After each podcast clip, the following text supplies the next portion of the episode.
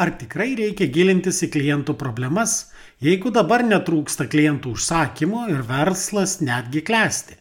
Kam čia save svetimomis problemomis užsikrauti?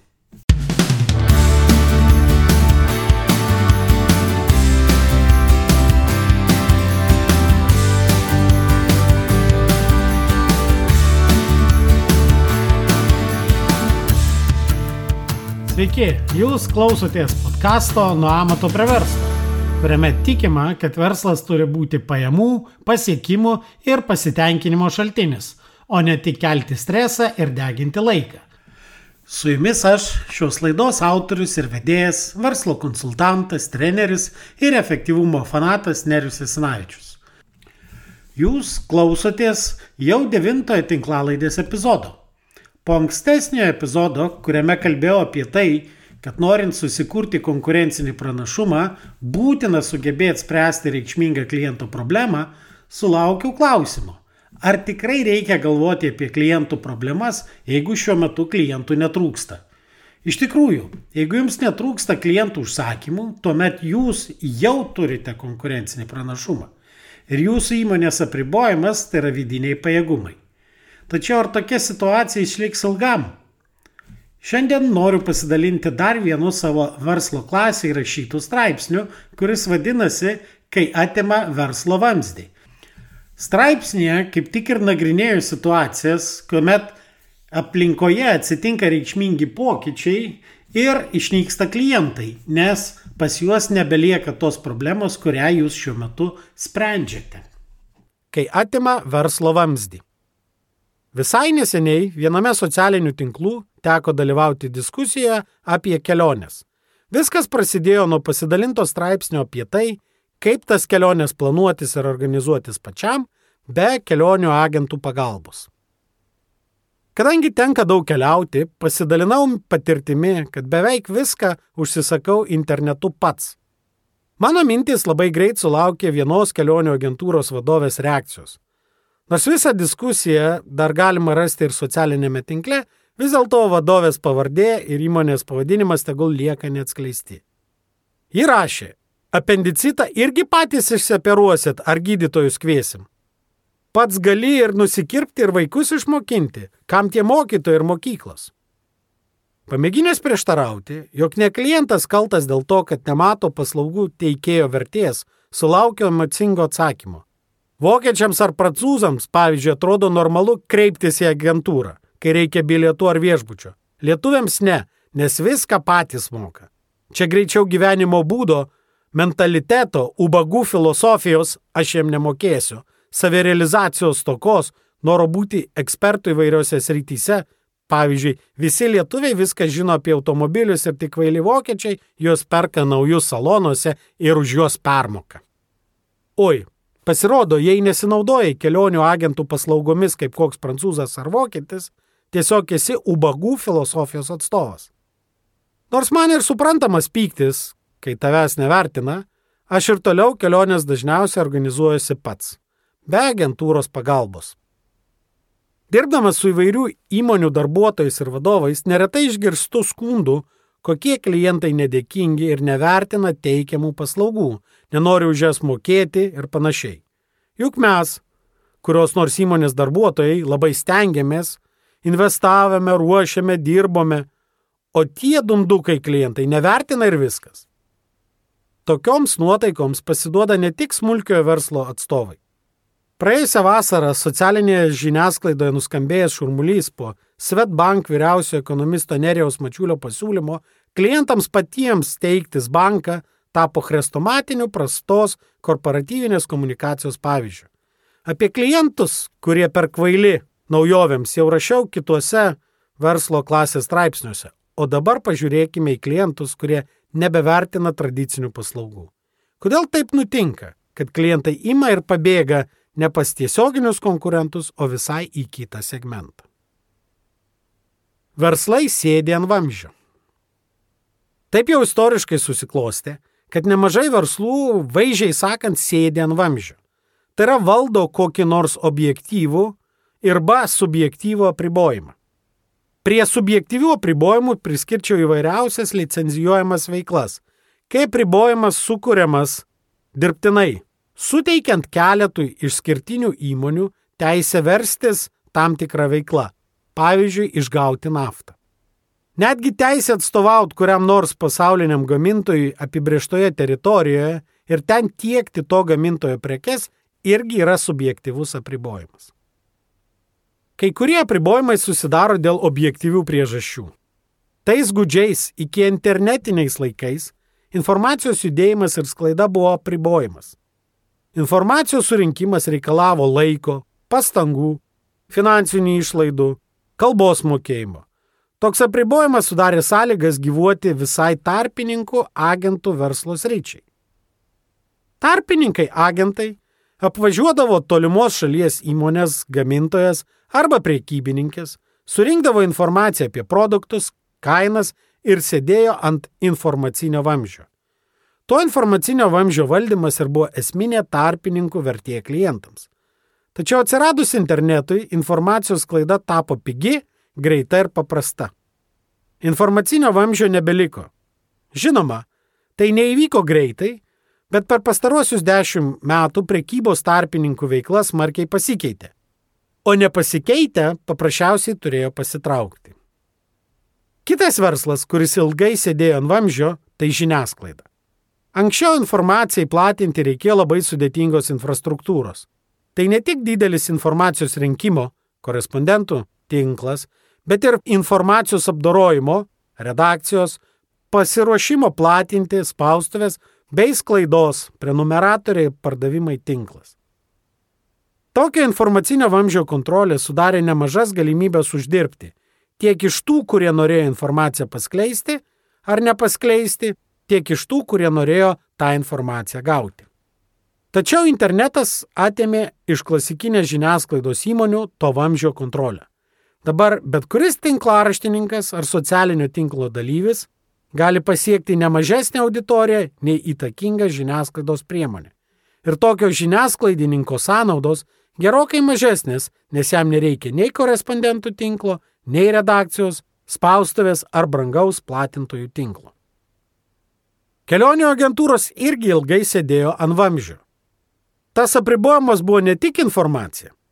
Ilgą laiką kelionių agentūros turėjo ne tik išskirtinę informaciją apie skrydžius bei viešbučius, bet ir išskirtinę teisę parduoti skrydžių bilietus arba geresnėmis kainomis rezervuoti viešbučius.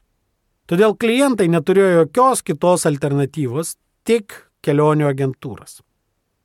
Interneto atsiradimas ne tik leido paprastiems keliautojams pasiekti visą informaciją, kurią anksčiau turėjo tik agentūros, bet ir suteikė galimybę įsigyti skrydžių bilietus, užsisakyti viešbučius ir nuomotis automobilius. Ir visą tai galima padaryti beveik nemokamai. Internetinių tarpininkų paslaugos nėra nemokamos, tačiau jos kainuoja daug mažiau nei tradicinių agentūrų. Vis dėlto tradicinės agentūros neretai pabrėžia savo pranašumą prieš elektroninius pirkimus. Tai yra sutaupyta laiką. Tik kad tie vargšai visažiniai klientai nesupranta tos vertės. Kodėl taip yra? Prieš pusmetį vienam savo klientui padėjome sukurti tai, kas tuo metu atrodė puikus pasiūlymas jo klientams. Mūsų su klientų požiūriu, potencialūs klientai turėjo reikiuotis į eilę norėdami pirkti, tačiau to nebuvo. Buvo pikta ir apmaudu, kad tie potencialūs klientai tokie nesupratingi ir visai nevertina nei mūsų pastangų ruošiant pasiūlymą, nei tų pokyčių, kuriuos įmonė įgyvendino. Ir vis dėlto klientas nekaltas, jei jis nesupranta arba nemato vertės. Teko atsisėdus iš naujo peržiūrėti, ar tikrai klientas turi tų problemų, kurias norime išspręsti ir ar tikrai mes jas išsprendžiame. Su šia bėda susiduria nemažai startuolių, kūrenčių nuostabius, neegzistuojančių problemų sprendimus. Mano subjektyvę nuomonę, kelionio agentai nesutaupo laiko, išskyrus tuos atvejus, kai reikia gauti vizą.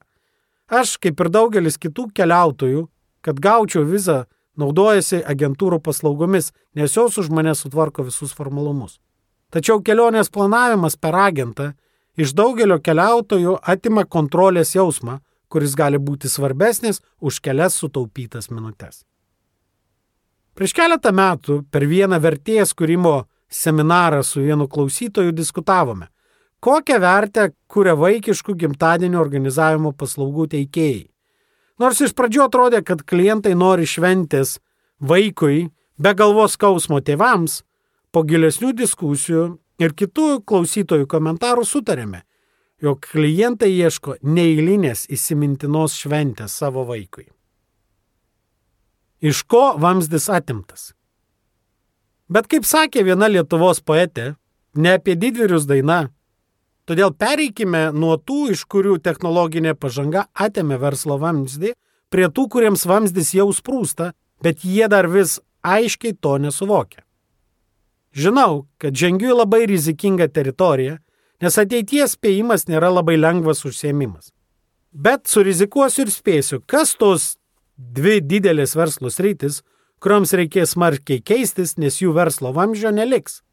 Viena jų tai universitetai. Pažiūrėkime, koks yra šios sektoriaus vamzdis. Pradėkime nuo universitetų, kurie užsiema dviejų tipų veikla. Viena veiklos kryptis - mokslo kūrimas. Tai yra įvairūs fundamentiniai moksliniai tyrinėjimai ir įvairūs moksliniai darbai. Kita universitetų veiklos kryptis - mokslo platinimas, mokymas ir žinių lygio patikrinimas bei diplomų išdavimas. Mokslo kūrimą kol kas palikime ramybėje ir pažiūrėkime į antrąją veiklos kryptį. Ilgai universitetai buvo ta išskirtinė vieta, kur buvo galima gauti reikiamų žinių ir tų žinių turėjimą patvirtinantį dokumentą - diplomą. Žinių sklaida, panašiai kaip ir informacijos sklaida, reikalavo gana sudėtingos ir brangios infrastruktūros. O ir pats žinių teikimas, dėstymas, studentų bendravimas su dėstytojais galėjo vykti tik dėstytojų ir studentams esant vienoje patalpoje. Todėl studentams buvo sudėtinga ar net neįmanoma vienu metu studijuoti keliuose universitetuose, o universitetai žinias teikdavo ir dabar neretai tebe teikia paketais. Negali išklausyti tik vieno dalyko kurso, privalai mokytis visų tos specialybės dalykų. Todėl universitetui pakakdavo turėti nedidelį skaičių gerų profesorių, kurie tapdavo studentų traukos šaltiniu, o didžiąją mokomųjų dalykų dalį buvo galima užpildyti ir vidutiniais dėstytojais. Juk studentai negalėjo, pavyzdžiui, strategijos mokytis viename universitete, o rinkodaros kitame. Nors ir egzistavo teorinė akademinių kreditų sistema ir galimybė perkelti savo kreditus iš vienos mokymo įstaigos į kitą, realybėje ta sistema veikia labai ribotai. Tačiau dabar, Internetas eliminavo būtinybę dėstytojui ir studentui būti vienoje vietoje. Dabar studentams daug paprasčiau pasirinkti norimus kursus iš skirtingų universitetų, kurie gali būti ne tik skirtingose miestuose, bet net skirtingose žemynuose. Tačiau dar didesnė grėsmė universitetų mokymo verslui kelia darbdaviai. Anksčiau daugelis darbdavių pabrėždavo diplomo svarbą ir vertę, Aukštojo mokslo diplomas sudarydavo prielaidas gauti didesnį atlyginimą, aukštesnės pareigas ir greičiau padaryti karjerą. Tačiau dabar šio dokumento svarba gerų darbų paieškoje mažėja. Netgi garsioji konsultacijų bendrovė McKinsey teigia, kad nenustatė esminės diplomo įtakos vadybos konsultanto kokybei. Todėl universitetams teks labai smarkiai konkuruoti tarpusavėje dėl klientų, studentų Ir neužteks turėti keleto profesorių žvaigždžių, norint užpildyti savo auditorijas. Manau, kad per artimiausius penkerius metus iš universitetų vadovų ir profesūros išgirsime komentarų apie šio laikinį jaunimą, nebevertinantį amžinųjų vertybių, nenorintį sėdėti niekam neįdomiose paskaitose ir apie griūvantį dangų bei vartotojų visuomenę. Tie universitetai, kurie neprisitaikys, turės pasitraukti nors jų istorija ir šimtametė. O į jų vietą ateis naujos virtualios aukštosios mokyklos, kurios sugebės patenkinti svarbius klientų poreikius geriau nei tradiciniai universitetai. Dar vienas verslo sektorius, iš kurio internetas ir technologijos atima vamzdį, tai bankai. Bet apie juos teks rašyti atskirai. Na, o klausytojams, verslo savininkams ir vadovams linkėčiau pažiūrėti, Ar jūsų verslas nėra paremtas kokiu nors vamzdžiu, kurį iš jūsų atims pasikeitusios aplinkybės? Ir ruoštis tiem pokyčiams, nes sėkmė kai pasiruošimas sutinka galimybę, o nesėkmė, kai pasipūtimas susitinka su realybė. Dėkoju, kad klausėtės.